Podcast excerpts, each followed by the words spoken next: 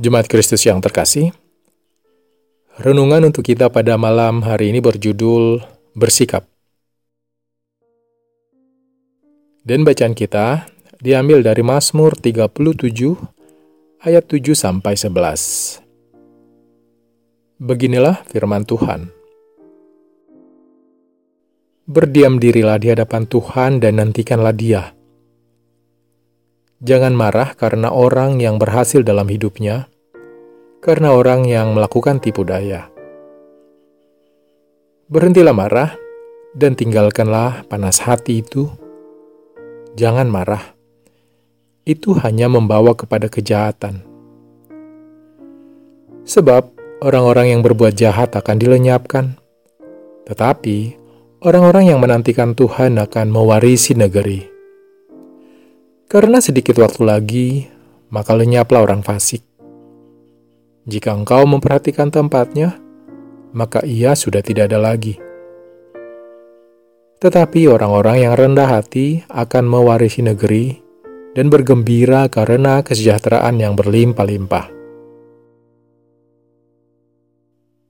Kalau kita menonton film superhero atau film-film yang mengisahkan seorang kesatria, pasti kita selalu menyaksikan situasi di mana kejahatan menguasai dunia, atau paling tidak sedang mendominasi di suatu wilayah. Dan pada awalnya, para kesatria ini pasti dikisahkan kalah, lemah, dan tidak punya daya untuk mengalahkan kejahatan tersebut. Gambaran itu mungkin memang terlalu hiperbola kalau dibandingkan dengan situasi di dunia nyata. Tapi kalau kita lihat, Memang kenyataannya seperti itu. Bahwa banyak terjadi kejahatan di sekitar kita, dan seringnya orang baik tidak mampu bertahan di lingkungan seperti itu. Pernahkah kita merasa iri dengan orang-orang jahat yang secara jelas kita lihat bahwa kehidupan mereka lebih nyaman dan enak daripada kehidupan kita? Kalau kita pernah melihat itu, tentu ada kemungkinan kita pernah bertanya, Apakah menjadi baik itu merugikan? Atau bahkan tidak cocok untuk kita yang sedang hidup di dunia yang jahat ini? Kalau kita berpikiran seperti itu, percayalah bahwa kita akan jatuh juga dalam tindakan dosa dan menjadi tidak berkenan di hadapan Allah. Jadilah seorang yang berani bersikap, membela nilai-nilai kehidupan yang benar.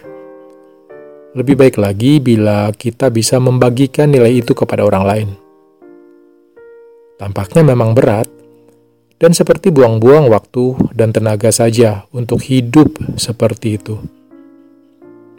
Tapi janji Tuhan yang menjadi bacaan kita haruslah menjadi pengingat untuk kita bahwa orang yang memiliki kehidupan yang benar akan mewarisi negeri dan orang-orang jahat akan dibinasakan. Menjaga kehidupan adalah sebuah anugerah yang diberikan Allah kepada kita. Milikilah jiwa kesatria dalam hidup kita, yaitu memperjuangkan nilai-nilai kehidupan yang benar. Demikianlah renungan untuk malam ini. Semoga damai sejahtera dari Tuhan kita Yesus Kristus tetap memenuhi hati dan pikiran kita. Amin. Dan sekarang, marilah kita melipat tangan dan bersatu hati untuk menaikkan pokok-pokok doa yang ada dalam gerakan 221 GKI Sarwa Indah. Mari berdoa.